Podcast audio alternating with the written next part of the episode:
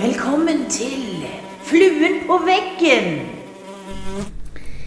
I dag skal jeg ha en liten innledning til Apostelens gjerninger, som vi skal nå lese i løpet av de neste 60 dager.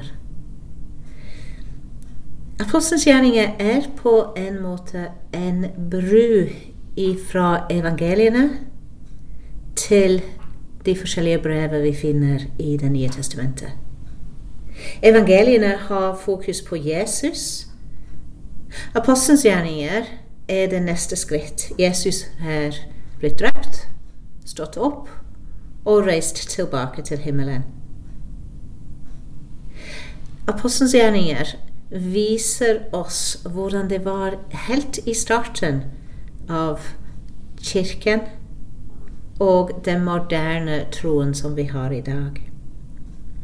Vi ser at den troen beveger seg fra Jerusalem og ut til mange andre deler av Romerriket.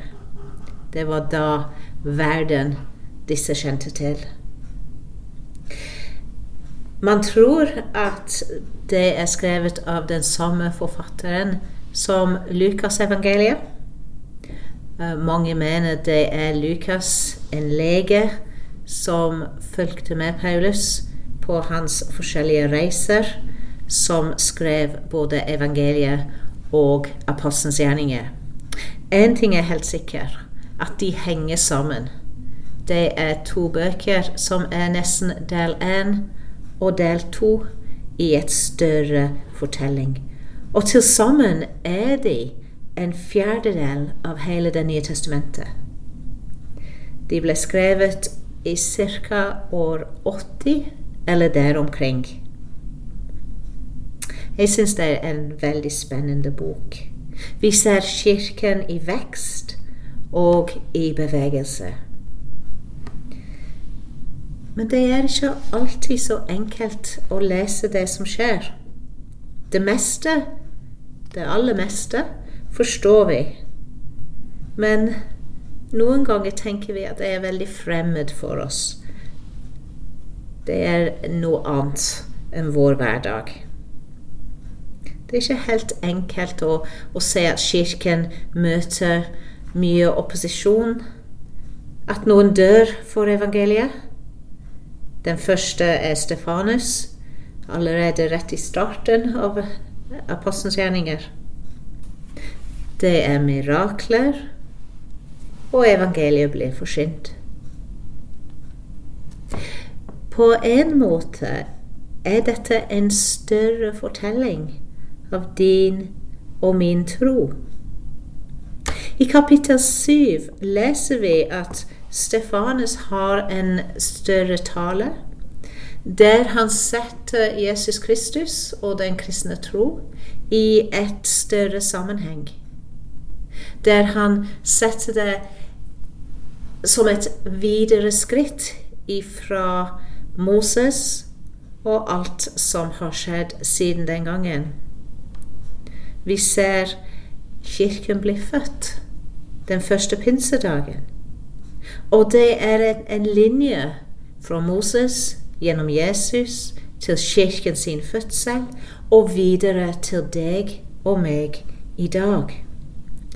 Denne historien er en del av vår historie.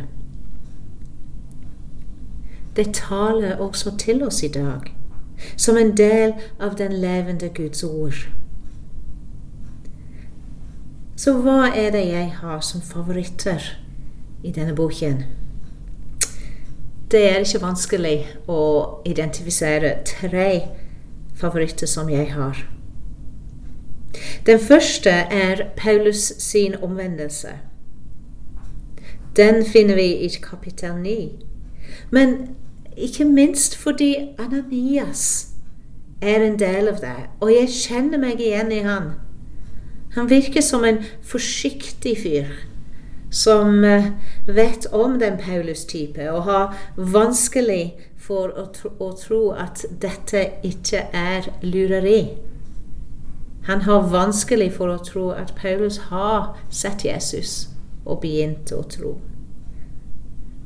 Og det, det, det andre av disse tre som jeg syns er veldig spennende og jeg liker godt, er i kapittel 15, der Paulus igjen er i Aten. Og der skal han forkynne Guds ord. Og igjen, Paulus setter det hele i en større sammenheng. Men denne gangen for grekere og ikke for jødere.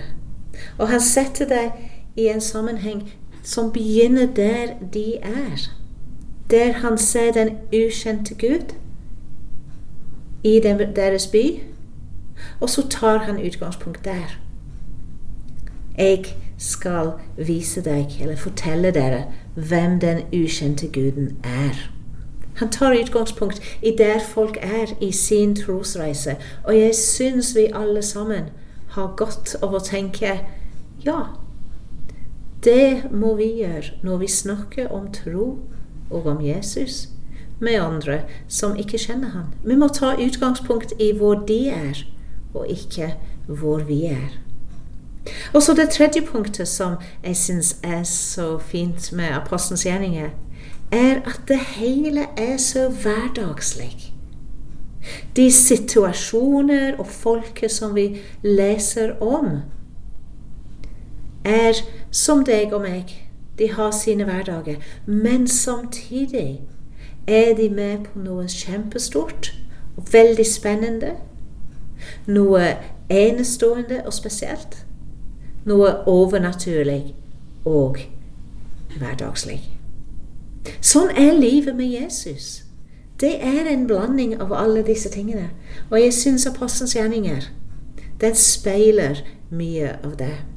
Så velkommen til Fluen på veggen.